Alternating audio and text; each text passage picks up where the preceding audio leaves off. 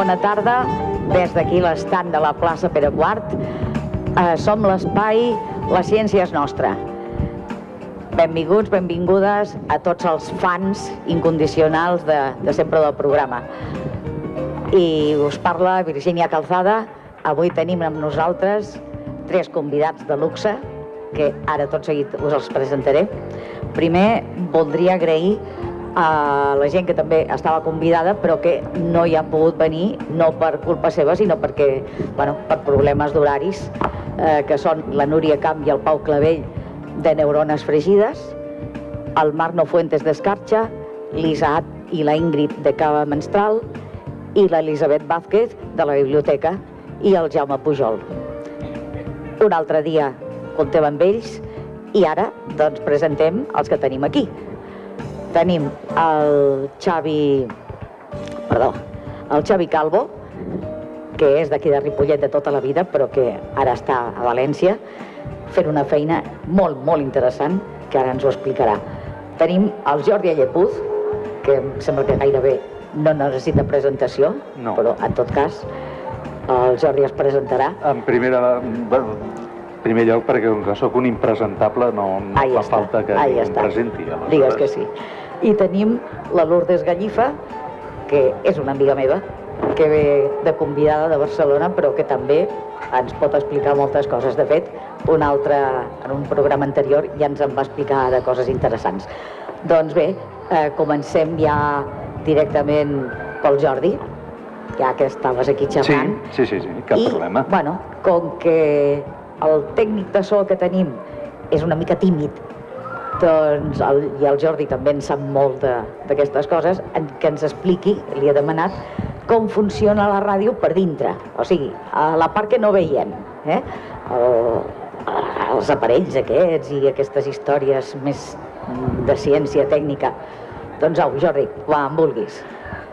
M'ha tocat parlar d'una cosa que conec d'ofici, no pas d'estudis, que és la, la ràdio. De, porto 38 anys, em sembla, o 39, fent ràdio. I bé, des de totes bandes, des de la creativitat publicitària, des de la locució, des de la realització tècnica, i fins i tot a vegades també m'hi ha hagut de pujar al capdamunt d'alguna antena a canviar un, algun dipol o alguna cosa d'aquestes. Vull dir, hem, hem fet de tot. Mira, la ràdio, la ràdio consta de dues parts, des d'un punt de vista estrictament tècnic, que és eh, els aparells d'alta freqüència i els aparells de baixa freqüència. Ah. Ja, quina cosa més estranya. No, els aparells d'alta freqüència són aquells que s'utilitzen per emetre tot allò que es realitza als estudis de, de ràdio. Eh? Tots els programes, la música, la, les tertúlies, les transmissions esportives, tot això es pot eh, fer arribar a la casa de, de, dels oients, de les oients, eh, gràcies a la alta freqüència. Són les antenes, els emissors, els, ca els cables que van de les antenes cap a... Dic, eh, perdó, dels emissors cap a les antenes, etc. Això és la radiofreqüència. Són aquelles grans antenes que veiem, per exemple, que són d'una mitja quan agafem l'autopista, la A17, eh, perdó, la, la A7 cap, cap a Girona, i a l'alçada de Caldes de Montbui veiem aquelles grans antenes de Radio Nacional de España, emisores del noroeste, doncs són aquelles antenes, doncs això és el que serveix perquè el senyal arribi a casa de les persones. És l'alta freqüència i la baixa és, són tots els aparells que el Jordi Puy està remenant ara. Les platines en el seu temps, els tocadiscos en el seu temps, ara els ordinadors, els discs durs, eh, des dels minidisc, eh, etc etc. Tot aquell suport, els ordinadors també, tot aquell suport electrònic que serveix per la gestió del so tant de la veu de la persona com de, dels efectes de so, les sintonies, les músiques, tot això és baixa freqüència. I aquestes són les dues parts fonamentals de la ràdio. Però n'hi ha una tercera, que és que algú es posi darrere el micròfon, parli Ah. i expliqui coses i dongui notícies i transmeti esdeveniments i, i, i bé, doncs de, de, ompli de contingut eh, la ràdio. Sempre s'ha dit els periodistes, que són molt espavilats i espavilades, diuen que ells fan ràdio o fan televisió. No, no, no, no. Els periodistes no fan ni ràdio ni televisió. ells l'omplen de contingut. Els que fan els programes són els tècnics. Els que apreten els botons són els que fan els programes, no els periodistes. Que després el que omplin els periodistes pugui ser més, menys agradable, eh, més, menys professional, pugui agradar més o menys, això ja és una altra història. Això a gust de l'oïdor, de l'oient, i, i ja està. Però els que fan els programes realment són els tècnics. I des dels estudis de ràdio el que es pot fer doncs, és des d'explicar una història a donar notícies, a mantenir una conversa com les que mantindrem aquesta tarda sobre diferents temes, múltiples. En aquest cas, temes d'enginyeria, avui pertoquen, en aquest moment i en aquest programa. I tot això que estem fent aquí, el tècnic ho toca i ho envia, en aquest cas, des d'aquí, des de la plaça Pere Quart, per cable. Oi, Pui? És cable? O radioenllaç? Radiofreqüències un enllaç d'aquí cap allà. Ja l'has fet parlar, veus? Va, però només ha dit una paraula, radiofreqüència. Vull dir que, sí, sí, és que no, no tenia clar, com que els estudis de la ràdio estan tan a prop, no sabia si enllaçaven via cable directament o per un ràdio, ràdio enllaç. No? A mi això de les coses inalàmbriques m'agraden poc. Els, les que són necessàries sí, però sempre on hi hagi un cable, Oh. millor, perquè veus si el cable està tallat o no està tallat, o té un nus, o té algun problema. Veus per on va el cable i dius, mira, allà està el problema. Sí. Però quan, quan hi ha una, un, un senyal radioelèctric d'un punt d'emissió a un punt de recepció, el que passa al mig allò, la, les zones eh, magnètiques, radioelèctriques aquestes, no, no, no, no, no. Uh, què passa allà? I si es talla? I si, sí, sí. I, i si passa... Sí, jo vaig no, tenir... no saps on falla. Jo vaig tenir un cas molt, molt anecdòtic a València fent un so, un treball de so, en un esdeveniment a la porta d'un supermercat Lidl hi havia micròfons inalàmbrics, aquests que van amb la pataca, que porten a la tele, que van en diadema o van clavats aquí a la corbata i de més mm, inalàmbrics, amb sí, pataca. Sí, sí. Perfecte, piles noves, eh, diademes noves, tot correcte, emissor, receptor... Eh, poso en marxa els micròfons i no funcionaven. Tot era correcte tot, tot, tot, tot està, tots els paràmetres eren correctes però no funcionaven els micròfons. Per què? Jo em preguntava per què i estava a punt de començar l'esdeveniment i no funcionaven els micròfons. Com podia arreglar-ho? I fins que em vaig trobar a un noi de seguretat amb un aparell que serveix com una, com una llinterna, però eh, saps allò de la policia? Passen, passen sí. amb la llum, doncs igual, però allò servia per desmagnetitzar els, les alarmes dels carros de la compra. I resulta que entre els micròfons i el lloc de control, pel mig passava la línia que desmagnetitzava, a terra passava sí, la línia sí. que desmagnetitzava eh, els carros de la compra, perquè tu no marxessis amb la compra gratis, no? Doncs Mira, es perdia el senyal. Jo no sé, fins que no vam caure amb què era, i després, clar, entra dins el quadre elèctric d'un gran supermercat, que allà està ple d'automàtics per, per tota banda, i esbrina quin és l'automàtic que, baixant-lo, talla l'electricitat i l'alimentació al, al, al sistema aquest magnètic que, que em, feia, em feia trontollar els micròfons inalàmbrics. Sí, sí. No? no, millor un cable sí, sí. Eh? Així el cable saps on va i allà està el problema. Doncs molt bé. Soc, això, soc de vella escola, també. Eh? Això ens ha quedat molt clar. No, jo també prefereixo els cables. Jo sempre que puc... Això bàsicament és la ràdio. Ja està. Bé, després... Home, a veure, i tots aquests controls que té el, el, el Jordi, Jordi sí. que tens tu també a casa, i el Xavier també ens explicava que també té una ràdio per internet. Havia tocat temes de ràdio Tot per això, internet, sí. Eh, mm, a veure, va, vinga, vosaltres dos, expliquem una mica això més, ha, home. Això hi ha una mica, a part de saber com funciona, ni què has eh, d'apretar i no apretar, com gravar, aquí ja entra també la part ja més creativa. Ah. tant del tècnic com del, del bueno. presentador presentadora, que, bé, que posin, que parlin, que posin efectes, que no posin efectes, que deixin de posar-los, que posin una música de fons o no la posin, això ja depèn de la creativitat de, de cada un a l'hora de fer, de fer el, el programa o d'emetre el senyal que està, que està emetent.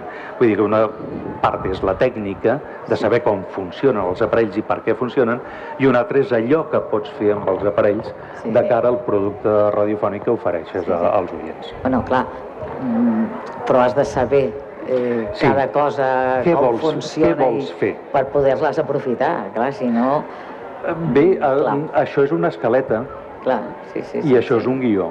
Sí, sí, sí. S'ha de fer una escaleta per saber quins són els temes que es tocaran en el programa, Sí, sí. quin minutatge té eh, eh, cada tema Sí. i quines coses van entremig de cada tema. Si va publicitat, si entra una sintonia per acomiadar, si entra una veu dient allò de Ripollet Ràdio, la enginyeria present amb vosaltres, tatant, tun, tun, tun, tun, tutant, i entra una musiqueta, i després un anunci de publicitat, i el jingle Ripollet Ràdio, pa, pam, pam, la sintonia, i després entres tu, després de la publicitat, no sé què, no sé quantos, bla, bla, bla, bla, i és així de fàcil. És així de senzill. Bueno, No, no.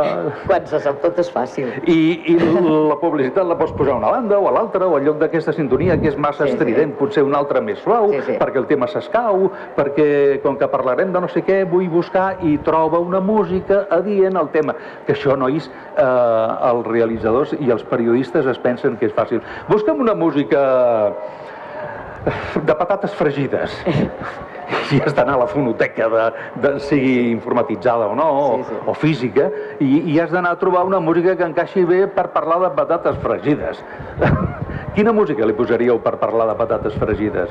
Nosaltres no ho sabem. Això ho tenen, ells tenen ahir la base de dades allà. Home, jo posaria el so de les patates, crec que és el Però, més efectiu, difícil, no? no? no és Sí, difícil. però, però clar, això s'ha d'enregistrar prèviament, bueno, clar. a no ser Sí, que sí, també sí. a la ràdio durant molts anys es feien els efectes de so en directe gerçekten a l'estudi. Sí. I Sí. uh, un dels tècnics d'abans hauria comprat una bossa de patates fregides i, i avui parlarem de les patates fregides. I el tècnic hauria obert en aquell moment la bossa, cras, i, i la celofana aquella de la bossa, Sí, sí. i hauria tret una patata, se l'hauria menjat apropant-se al micròfon i sentiríem el crequi-crequi de les patates fregides. Exactament. Per exemple, això per ell és, Exactament. és, abans és, més, era més difícil perquè directament buscaves directament el nom de l'arxiu. Sí, sí. Tu tens una cançó, doncs, t'havies de guiar en l'índex de cançons amb el nom Sí, o el... sí. Això vas a l'ordinador. Ara no, ara el que, el que fan és agarrar tota la lletra d'una cançó, la fiquen en un índex i busquen pues, eh, frases concloents. En plan, si estàs parlant de patates en un context concret, et busca aquest context Una cançó dintre de de tota la patates. cançó i et busca cançó per cançó i et fica la, la llista de cançons Correcte. i això és el que es fa ara. Ah, ara. Ara, Mira. abans Això, no. això és el que es fa ara. Però abans havies d'anar a la fonoteca i agafar un vinil, d'aquells discos de vinil, de 33 o 45, i trobar una cançoneta o una sintonia que tingués relació amb les patates. I això, acabo ja, això suposava eh, doncs bastantes hores de fonoteca eh, buscant músiques i sintonies. Ara no ho tens als ordinadors, que bonics i meravellosos, que, que són tot, tot, tot, tot, tot automàtico, tot automàtic.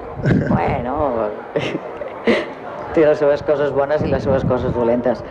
Doncs, Jordi, com que et quedes aquí, Eh. eh, ara el Xavi ens explicarà a continuació les seves experiències per allà a València, que és molt interessant.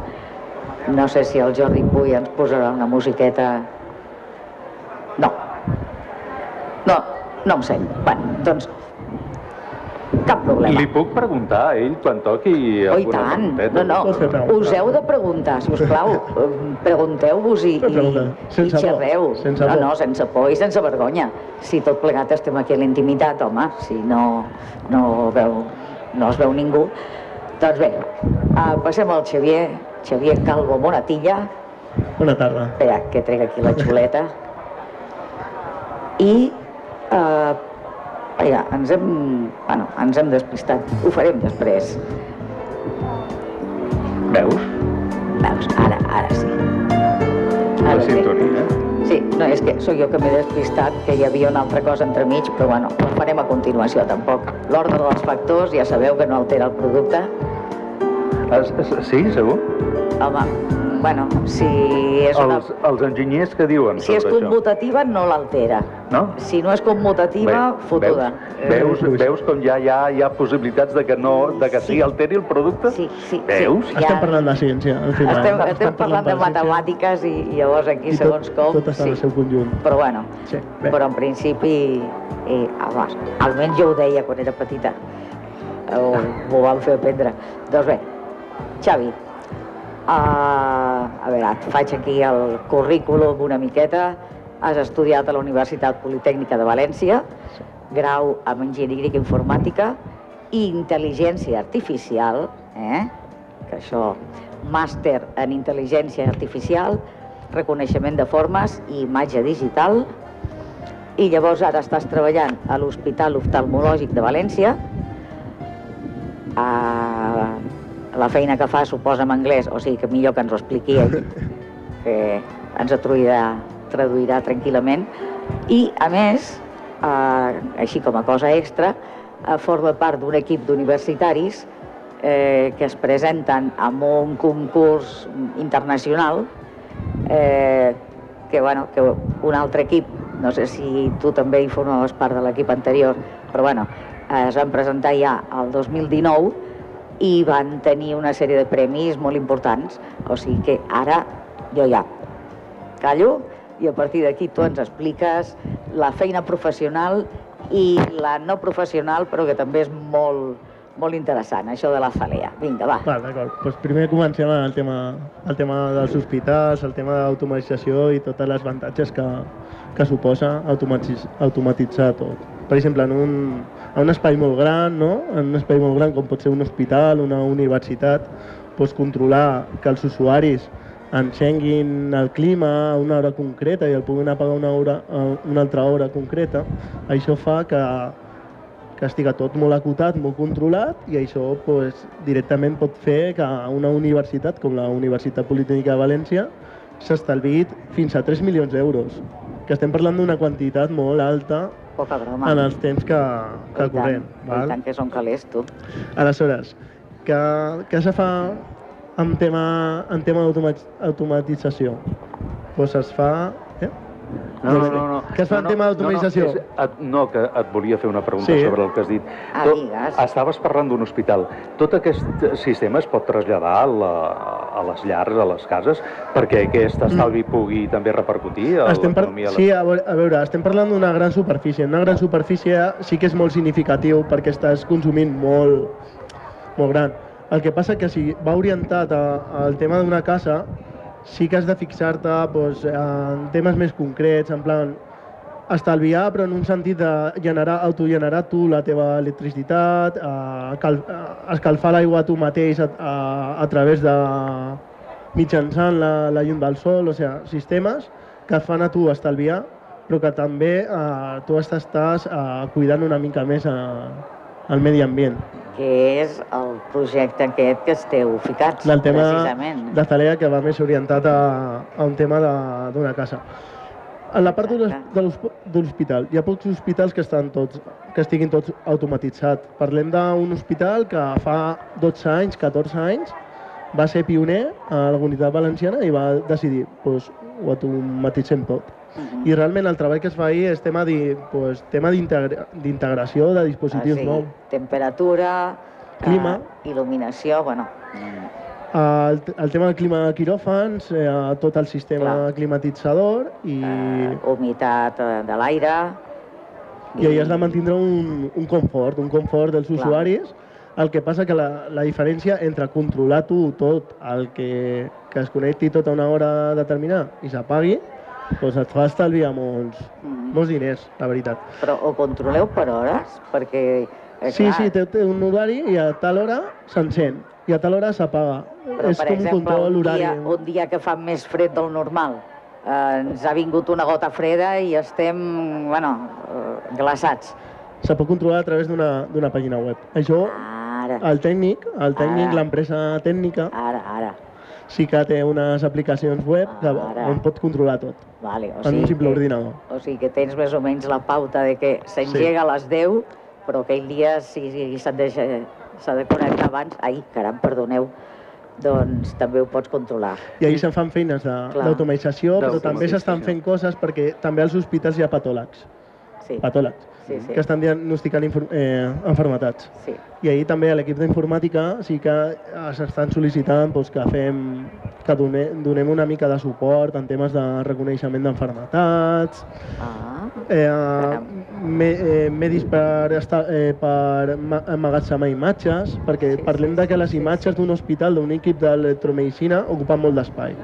Aleshores, aquestes dades que tu necessites pels, pels algoritmes d'intel·ligència artificial ocupen molt d'espai i això tot has d'organitzar-lo bé, aleshores Sí, sí. són coses que els patòlegs no saben fer i busquen Bueno, ajuda no als és- enginyers clar, no és informàtics. És una mica el que Sí, feu sí. És, és eh, allò que a casa entendrien com la domòtica, l'automatització de la logística de la casa, però en aquest cas aplicada a grans superfícies, en aquest cas hospitals, Sí. no? i els serveis que donen. Però no mèdics, no, no interveniu directament en Està la part d'automatització, que això va més orientat al tema de, del consum elèctric, perquè al final el, el cap en, en manteniment el que vol és estalviar diners Ja. i buscar el, el medi eh, adient per, fer, per estalviar més diners i poder... Però vaja, que no feu encara una operacions a No. distància, allò... Hi ha una part. És el que volies dir, no? Però després- està de, allà davant de l'ordinador operant el cor amb un que està... No, però s'han fet experiments, per exemple, per diagnosticar enfermetats directament als, als ulls, perquè Ah, la bueno. informació dels pacients sí que Sí. es té en, Sí, un, sí, sí, sí. en el sistema. Sí, sí. I el que s'està col·laborant és amb la Universitat Politè- Politècnica de València, en diferents grups d'investigació, sí. I el que estan fent és investigar maneres d'intentar pues, fer diagnòstics de, de forma automatitzada. El que passa que s'han intentat fer però no s'ha no arribat a bon port. Parlem de que el, encara estem ahí una mica eh, millorant els algoritmes, estan investigant, mica en mica els algoritmes necessiten un poder computacional molt més alt per executar-se, són més complexos sí, sí. I, i, i clar, la, la computació dels ordinadors cada, cada volta va augmentant una mica més, una mica més, i anem una mica al ritme de, Clar, gestionar dels ordinadors, perquè els un ordinadors volum molt gran d'informació són els que fan els càlculs matemàtics. necessita també uns ordinadors, a part de molta memòria, molta potència, per poder gestionar tot aquest volum de... I estan fent això, i Clar. després el que s'està fent és un, un sistema, també, per veure uh, per, eh, quina és la variable més significativa per, per, per a determinar, per a, per a veure Sí. si una, o sea, per què una operació ha durat més del compte. O sea, trobar de manera Sí. automàtica Sí, qui ha sigut la variable determinant perquè una operació que durava 15 minuts ara dura 30, per exemple. sí, sí, sí, Pues això també s'està fent de manera automàtica per detectar aquestes coses i, sí, i sí. planificar. I també sense oblidar la part de, del diagnosticament de- d'enfermetats, que això realment s'està sí, sí. això s'està fent eh, ara. Has, has utilitzat un, dues paraules que generalment semblen que, que fan bastanta por, que és això de la intel·ligència artificial. sí. Sí. Això, fins a quin punt eh, la intel·ligència artificial serà més intel·ligent que, que els humans? Estem parlant que... Pot que la, ser. A veure, el, el primer de tots, els algoritmes eh, funcionen de manera diferent al nostre cervell. Re, realment no, no vas a tindre un cervell, perquè nosaltres no sabem com funciona. Tot el que fem, sí que ho fem amb, amb la imatge que tenim nosaltres que coneixem del, dels animals. Per exemple, els avions els van fer en forma de... Sí, sí. De- Dau, de les dau. ales de, d'aus. Perquè nosaltres observem la natura Sí. i tal. Nosaltres estem intentant intentant emular el cervell, les neurones. Sí. I aquí entraria el tema de la intel·ligència artificial, però realment serien algoritmes no? Mhm. que el que fan és eh, planificar de manera automàtica sense, sense, sense que el ser humà pues, Ja. interactuï. Però no són perillosos, realment són algoritmes eh, que fan multiplicacions matemàtiques i, Jo, jo poso... i, i, toma, i prenen decisions Ja, ja. per tu, i ja està. No, No, no, no vull uh, fer por a ningú, eh? simplement parlar-ne de la qüestió. Però és cert que en algun cas, a vegades, en, els jugadors d'escacs han jugat contra màquines i han guanyat les màquines. I sovint, a vegades, quan juguem en Playstations i aquestes coses, a vegades guanyen les màquines. Vull dir, no pretenc ara fer tremendisme, eh? De, simplement t'ho pregunto Perquè, no sé, em sembla curiós, no? Fins a quin punt pot arribar això? Estem parlant que, que realment... O Està... seria culpa vostra si arribés eh, a punts fatals? No crec que passi, perquè al final són coses concretes, són tasques concretes que el que fan és que una tasca que tu com a ser humà pots fer, com pot ser el reconèixer una forma, per exemple, aquí estem veient el paper, és una, té una forma rectangular. Doncs el que fa l'algoritme és detectar aquesta forma. Nosaltres ho fem molt bé, però pot ser que arribi un moment que l'algoritme ho faci més ràpid que tu i per a treballs concrets et puguen facilitar. Què et dona por de la intel·ligència artificial? Doncs, per exemple, els robots aquests de, de Boston Dynamics que fan parkour i Sí, fan sí. coses, però al final Bueno, però és que un rumba també porta intel·ligència artificial. Eh, Vull dir, bàsic. aquest, mòbil, aquest mòbil, per exemple, en el, el reconeixement facial té intel·ligència artificial. Clar, Qualsevol també, cosa té. també. Uh, el tema dels telèfons, estem Sí, parlant d'una- sí, sí. d'un algoritme molt antic Sí, sí. que es Allò va de- utilitzar per treure el ruïdo dels, Ah, bueno, de les cridades. el, el can, la cancel·lació de, del, del so ambient. Del sí. so ambient, això ho fa un algoritme automàticament. Sí, això- sí, sí. Ja, però arribarà un moment on el mòbil et dirà sí, sé que ets tu, però no t'obro el mòbil perquè no em dóna la gana? Mm, Jo penso que no a aquest nivell. Jo penso que... Fanta fantasia, això. el Luis fantasia. no pas per ara, perquè això suposaria tenir consciència pròpia. Però arribarem, Que no és possible. arribarem a coses com dir Oye Siri, eh, vull anar de vacances a, a Mykonos i vull fer anar en bici, anar no sé què, no sé quant, I i, et dirà, automàticament en bici a Mykonos no hi pots anar tot. perquè et és fa un pla, et diu, costa tants diners. I t'organitza I les t'ho fa de vacances. manera Home, automàticament. això sí, això sí. I això Però s'està ja està fent. Dormiré més tranquil aquesta nit, eh? Però- Gràcies. Però no estem parlant, no estem parlant quan parlem d'intel·ligència Sí, sí. artificial parlem del reconeixement de formes, parlem de so, reconeixement de veu, parlem de planificadors que et diuen quan has de consumir més electricitat o agarrar l'electricitat de les xarxes fotovoltaiques, Els cotxes que, que aparquen solets. els cotxes que També. aparquen solets, els cotxes de Tesla que, Sí, que van sí, també. pel carrer automàticament. El que passa que encara estan limitats per la tecnologia, perquè això va avançant, els algoritmes van avançant i mica en mica són més potents, però ara mateix són al top de, Sí, sí, sí. dels cotxes. Poquet a poquet, doncs, Bueno, Jo, jo t'ho preguntava simplement perquè la- la- la- l'expressió és, és maleïda, no? I com que l'has utilitzat, no? Sí. Parlem una miqueta. Skynet, no? no, Sí, però sí. bueno. Això mateix, Les el pel·lícules, les, pel·lícules fan, les pel·lícules fan molt de mal pues, a la nostra percepció. em sembla que encara, encara ens falta bastant, per sort, eh? I, Encara... I aquí parlaríem del tema més de l'hospital, però després van entrar ràpidament en el tema de, de la Zalea. Dos minutets, vinga. Dos minutets ràpid. Pues realment és un projecte, un projecte d'una competició a nivell mundial en, eh, fro- enfront d'altres universitats en la qual construïm una casa sostenible. Sostenibilitat que implica pues, que utilitzis materials com la fusta, que fusta de, de boscos sostenibles. Estem parlant de, de que quan tu compres un producte pues, sigui de proper, que no, no vingui d'un altre país en un camió i parlem de la- de l'empremta de, de carboni Sí, sí. reduïda. Sostenibilitat, doncs que agarrem l'electricitat de plaques solars, parlem de que escalfem l'aigua amb solar tèrmica, parlem de que tenim un sistema de recol·lector de calor durant el dia que recol·lecta aquesta calor i durant la nit el, et va calfant a l'aire, va circulant a l'aire Sí, sí, sí. i et va donant calefacció. I si parlem de sostenibilitat també parlem del tema de l'aigua. Aprofitar l'aigua de la pluja, estem parlant d'aprofitar eh, l'aigua que tirem nosaltres per al vàter.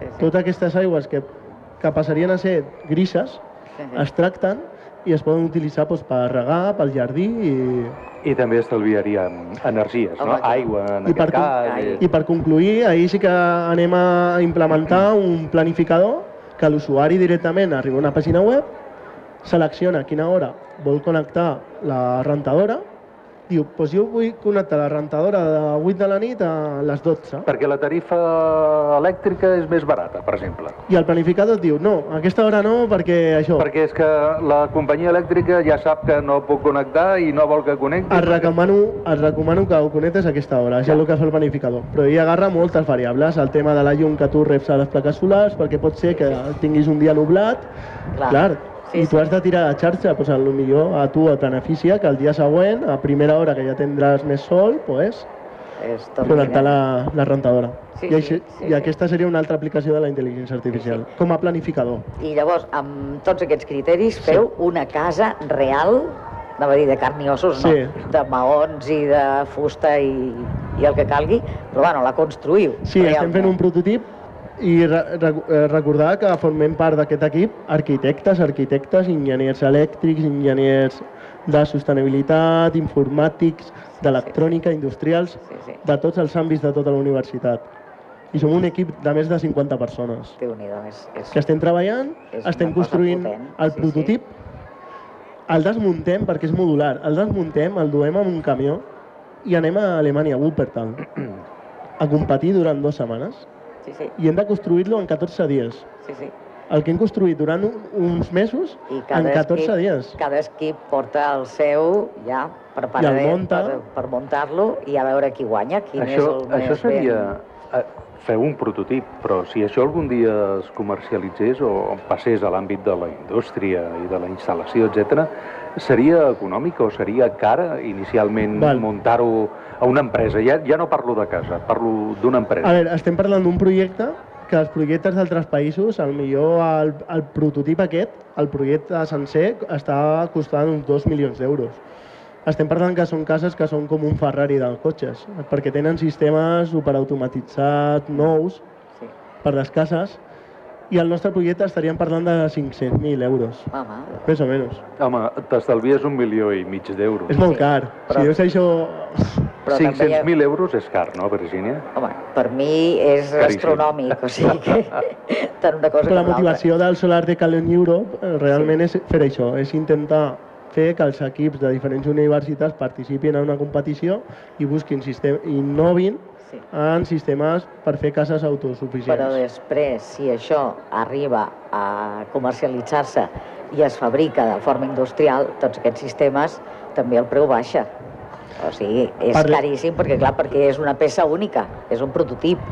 Si després això ho pots fabricar en sèrie o ho pots anar venent, eh, doncs clar, Cal que fins a aquest punt de la comercialització es farà més o menys, aviam, quan comencen a baixar els preus, Bueno. per fer-ho més assequible. Bueno, Sí. mira, és com els cotxes aquests que aparquen sols, doncs ara ja comencen a ser més normals. Volies dir... No, no, això alguna el que deia, que al final tens per una part la innovació que ve directament de, de part de les universitats i després les empreses que són patrocinadores que volen provar el seu producte. Mhm. Això Home, seria. també és important. Sí, sí.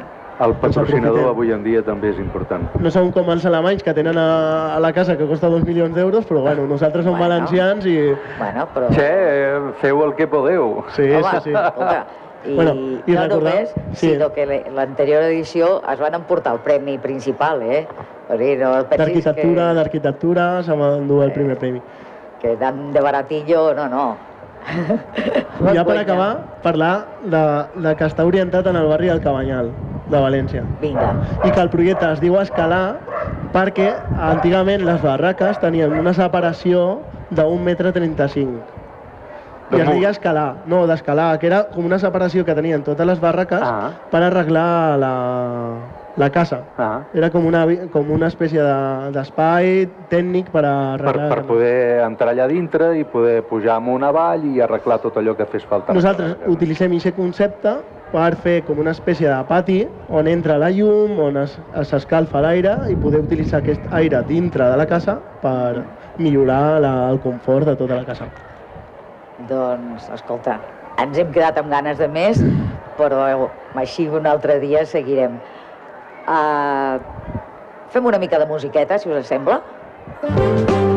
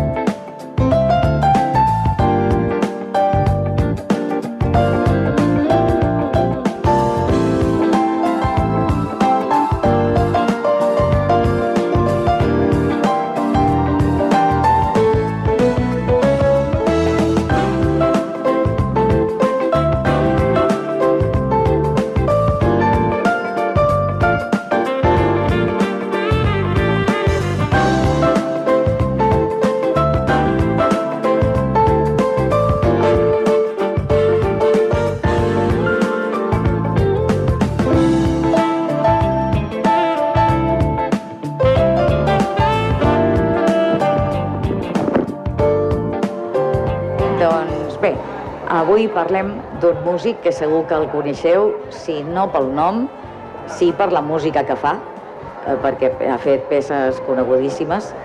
Es diu Vangelis i ha fet, per exemple, doncs, eh, la banda sonora del Braille Runner, ha fet el Carros de Foc, Chariots of Fire, sí. eh? I bé, i parlem d'ell perquè ara finalment, al setembre, sortirà un àlbum que es diu Juno to Júpiter. Uh, què és aquest Juno? Doncs és una sonda espacial que va enviar la NASA uh, ja fa, fa temps, la va enviar el 2011, però va trigar 5 anys només en arribar a Júpiter, i llavors ja que estava allà, doncs la feina que fa és eh, recollir tota una sèrie de dades de, del planeta i ja posats a fer, doncs li han ampliat la missió perquè visiti també les llunes de Júpiter. I concretament doncs, en visitarà, ara està per Ganímedes, que és una de les llunes, després anirà a Europa i després a Io. I em sembla que la quarta és Calisto, si no m'erro. Ara no...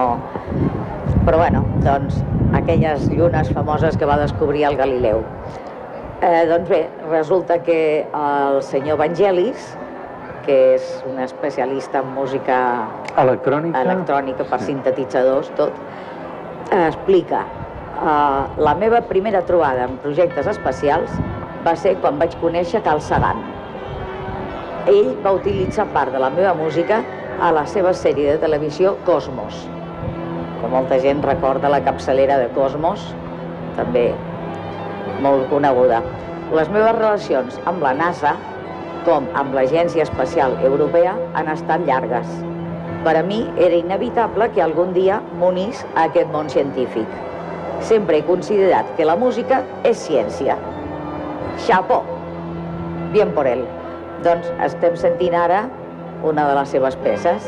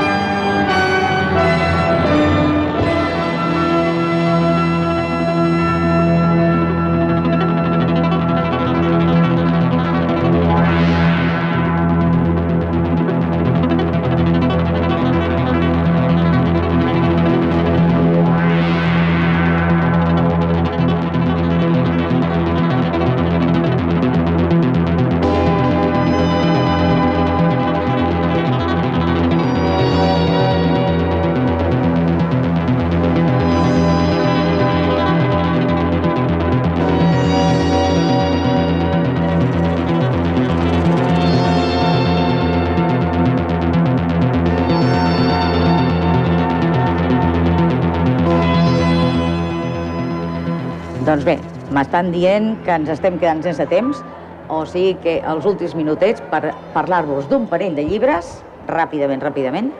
Un llibre per petits, Això és ciència, de Cecil Jugla i Jacques Guixat, editorial Joventut, Barcelona 2020, ja veieu que és molt modern, és un llibre amb moltes il·lustracions, eh, que fa, ai, perdoneu, fa preguntes, eh, proposa experiments eh, pels més petits i també pels més grans.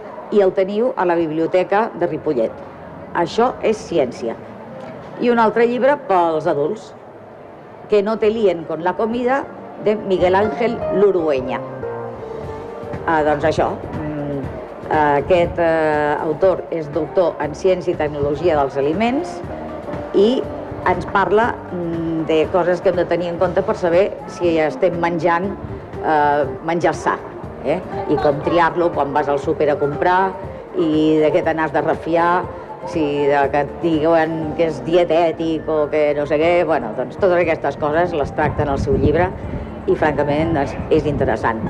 Que no te líen con la comida, Ediciones Destino 2021. I bé, i finalment, eh, l'experiment infantil, que això és irrenunciable. És molt senzill. Uh, per als que esteu per aquí al voltant, us l'ensenyo perquè és la cosa més tonteta del món, però té la seva amiga. A veure, és l'aerògraf prehistòric. Què vol dir això? Recordeu uh, moltes coves uh, que s'han trobat mans, però que no es veu el dibuix de la mà, sinó que es veu pintat al voltant. I la mà en negatiu. I de manera difuminada. I de manera si difuminada. difuminada. Dius, bueno, això com s'ho han fet? Doncs s'ho han fet, eh, com qui diu, amb spray. Bueno, I a veure, aquesta gent primitiva, prehistòrica, com s'ho feien això d'un spray? Doncs mira, amb un parell, ells no tenien palletes, com tinc jo aquí. Aquestes típiques de, de refresc. Palles de refresc, però el que tenien eren ossos d'ocells. Sabeu que els ossos d'ocells per dintre són buits. Mm -hmm. Doncs bé, agafaven un parell d'ossets d'ocell i els posaven en forma d'L, com tinc jo aquí, que esteu veient ara, mm -hmm. i per un costat es fica amb el, amb el líquid que vols, per exemple, aquí tinc una pintura rosa, i per aquest altre costat bufes. Un doncs, aerògraf? Un aerògraf, un aerògraf, exacte, un aerògraf, i surten spray, i amb això eh, han fet pintures des de l'edat de, des de l'edat de pedra. Mm. Al·lucinant. Jo quan ho vaig, ho vaig saber vaig quedar flipant. Doncs si el feu ja m'explicareu, a veure si us ha quedat bé. Ja posaré fotos a l'Instagram perquè veieu com és, de fàcil. I també penseu que hi ha el Facebook, la ciència és nostra, tant a l'Instagram com al Facebook. Ens veiem al setembre, bona festa major, Gràcies als convidats, a, tu, a Jordi, a Xavier, Lourdes, que al final no ha dit res, ja la renyarem després, i gràcies al tècnic sense el qual no es podia fer res, el Jordi Puy. I a reveure. Bad mistakes I've made a few